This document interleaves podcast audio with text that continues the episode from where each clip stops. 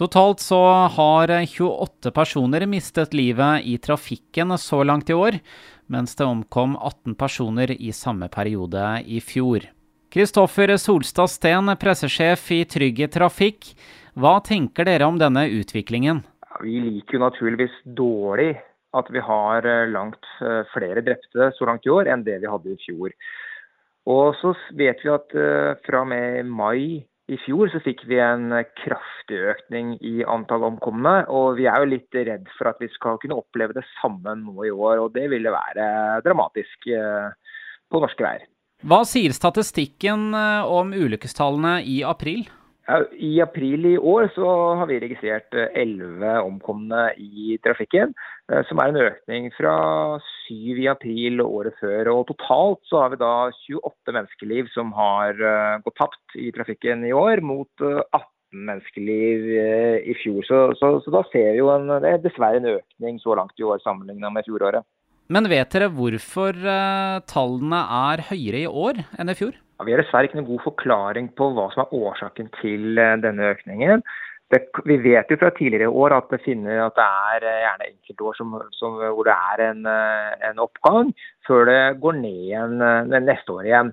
Men det vet vi ikke om er tilfellet nå. Så, men det eneste vi vet er hva som har vært de medvirkende årsakene i tidligere år. Så da kan vi jo bare spekulere om det er, er tilsvarende nå. MC-sesongen den er jo i gang eh, igjen, og det betyr jo at eh, mange skal ta frem eh, sykkelen sin fra garasjen og skal ut på tur. Og hva er det lurt å gjøre når man tar ut sykkelen fra garasjen? Ja, du tar, Når du tar ut sykkelen, så er det viktig å sjekke at uh, motorsykkelen er i, i, god teknisk stand. Altså bremser funker, lys funker, og du har uh, alt utstyr du trenger for å håndtere MC-en din. Og når, når, det er gjort, så er det også veldig lurt å, å um, gjøre litt oppfriskning på egne ferdigheter. Du har mest sannsynlig ikke brukt MC-en på kanskje over et halvt år, og er nok litt rusten i eh, MC-formen. Så da kan det være lurt å starte f.eks. på en bane for å få igjen, eh, få igjen godfølelsen. Og når det gjelder MC-ulykker, så var det flere MC-ulykker i fjor?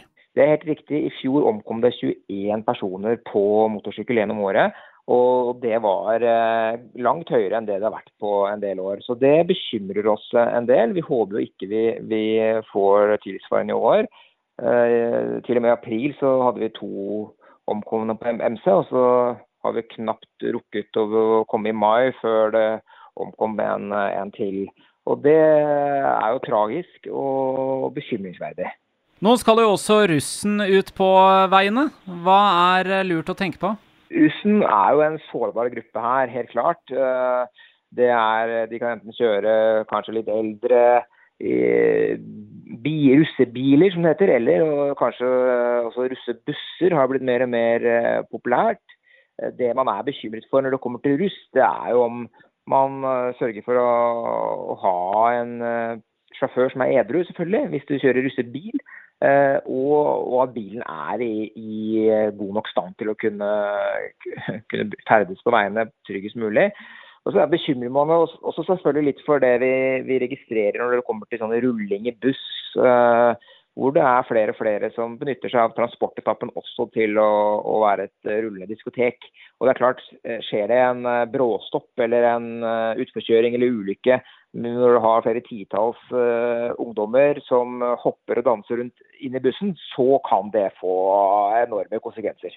Hva kan vi alle gjøre for at vi alle skal ferdes trygt på veiene?